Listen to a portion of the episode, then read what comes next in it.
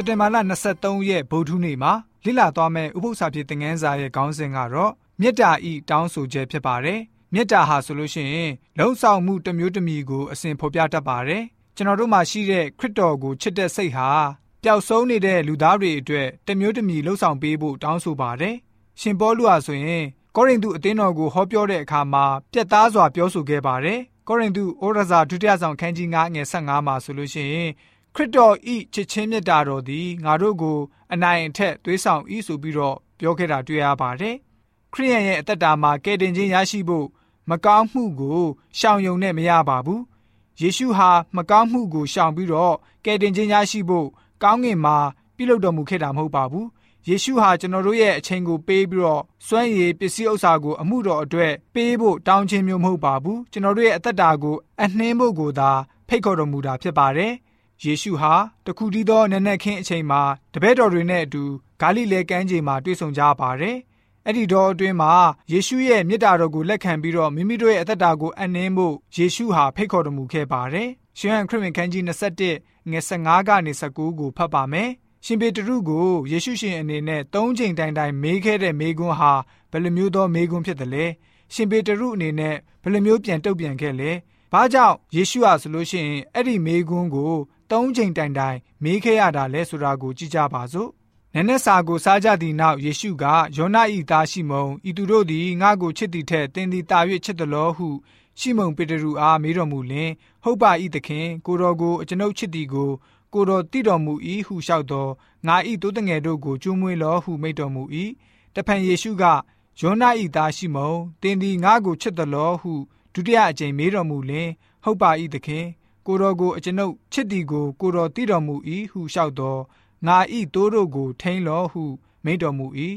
ယေရှုကလည်းယောနဤသားရှိမုံတင်သည်ငါကိုချစ်တယ်လောဟု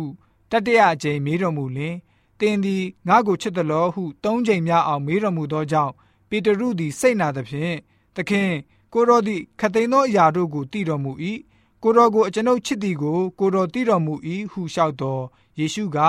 ငါဤသိုးတို့ကိုကျွေးမွေးလော့ငါအမှန်ကန်ဆိုသည်ကားတင်သည်ပြိုသောအသက်ရှိစဉ်ကိုကိုကိုပတ်စည်း၍အလိုရှိရာအရရက်သို့တွာလာတတ်၏တင်သည်အိုသောအခါလက်နှစ်ဖက်ကိုဆန့်ပြီးလျှင်သူတစ်ပါးသည်တင့်ကိုပတ်စည်း၍တင်အလိုမရှိရာအရက်သို့ယူသွားလိမ့်မည်ဟုမိန့်တော်မူ၏ထို့သောမိန့်တော်မူသောအဘယ်သို့သောတေချင်းအဖြစ်ပေတရုသည်ဖျားသခင်၏ဘုန်းတော်ကိုထင်ရှားစေမိအရေးကိုပေးတော်မူ၏ ထို့သောမိန့်တော်မူပြီးမှငါနောက်သို့လိုက်လောဟုပေတရုအားမိန့်တော်မူပြန်၏ဆိုပြီးတော့ဖော်ပြထားတာတွေ့ရပါတယ်။ရှင်ပေတရုဟာဆိုလို့ရှိရင်မိမိရဲ့သခင်ကို၃ချိန်တိုင်တိုင်ညှင်းပယ်ခဲ့ပါတယ်။ပေတရုစီကချစ်ပါတယ်ဆိုတဲ့စကားကို၃ချိန်တိုင်တိုင်ဖွင့်ဟပြောခိုင်းခဲ့ပါတယ်။တပည့်တော်တွေရဲ့ရှင်းမောက်မှာပဲယေရှုဟာဆိုလို့ရှိရင် ပေတရုကိုဖះရှင်ရဲ့မေတ္တာတော်ဟာခွင့်လွှတ်ခြင်းနဲ့အစဉ်ဒွန်တွဲပြီးတော့ ဖះရှင်ရဲ့အမှုတော်မှာပါဝင်လှုပ်ဆောင်စေဖို့ယုံကြည်မှုကိုတိဆောက်ပေးလိုက်ပါတယ်။ဖះရှင်ရဲ့မေတ္တာဟာဆိုလို့ရှိရင်တစ်ဖက်သက်အသွားသာရှိပါတယ်။အပြန်မလိုပါဘူး။အဲ့ဒီမေတ္တာတော်ဟာ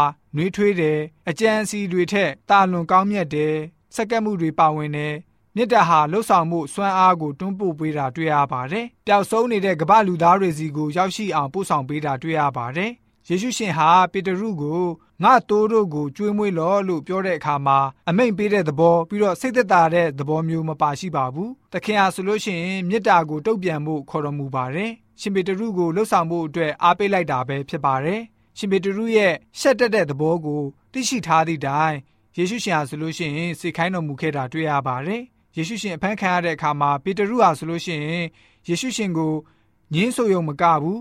ကြိမ်ဆိုပြီးတော့တောင် ယေရှုကိုမသိတဲ့အကြောင်းအကြောက်ကံညင်းခဲ့ပါတယ်။အမှန်မှာကတော့ယေရှုရှင်ဟာသူ့ကိုအဲ့ဒီအကြောင်းကိုကြိုတင်ပြောထားပေးပြီးသားဖြစ်ပါတယ်။ဆိုတော့ကကျွန်တော်တို့အနေနဲ့ဖះရှင်ကိုတစ်ချိန်မကညင်းပေကောင်းညင်းပေပါလိမ့်မယ်။သို့တော်သတင်းကောင်းတစ်ခုကတော့ဖះရှင်ရဲ့ကရုဏာတော်ဟာကျွန်တော်တို့အတွက်ရှိနေပါသေးတယ်။ဖះရှင်ဟာဆိုလို့ရှိရင်ကျွန်တော်တို့ကိုလုံးဝအဆုံးပြစ်မထားပါဘူး။ကျွန်တော်တို့ရောက်စီတိုင်းအတွက်ဖះရှင်အမှုတော်မှာ တနေရာစီရှိကြပါတယ်။ကျွန်တော်တို့အနေနဲ့ဆန္ဒရှိပြီးတော့ဖျားရှင်အမှုတော်မှာမိမိကြရာကဏ္ဍအသီးသီးမှာပါဝင်လှုပ်ဆောင်ဖို့ပဲဖြစ်ပါတယ်ဆိုပြီးတော့ဗုဒ္ဓနေ့ဥပုသ္စာဖြစ်တဲ့ငန်းစာကဖော်ပြပေးထားပါတယ်။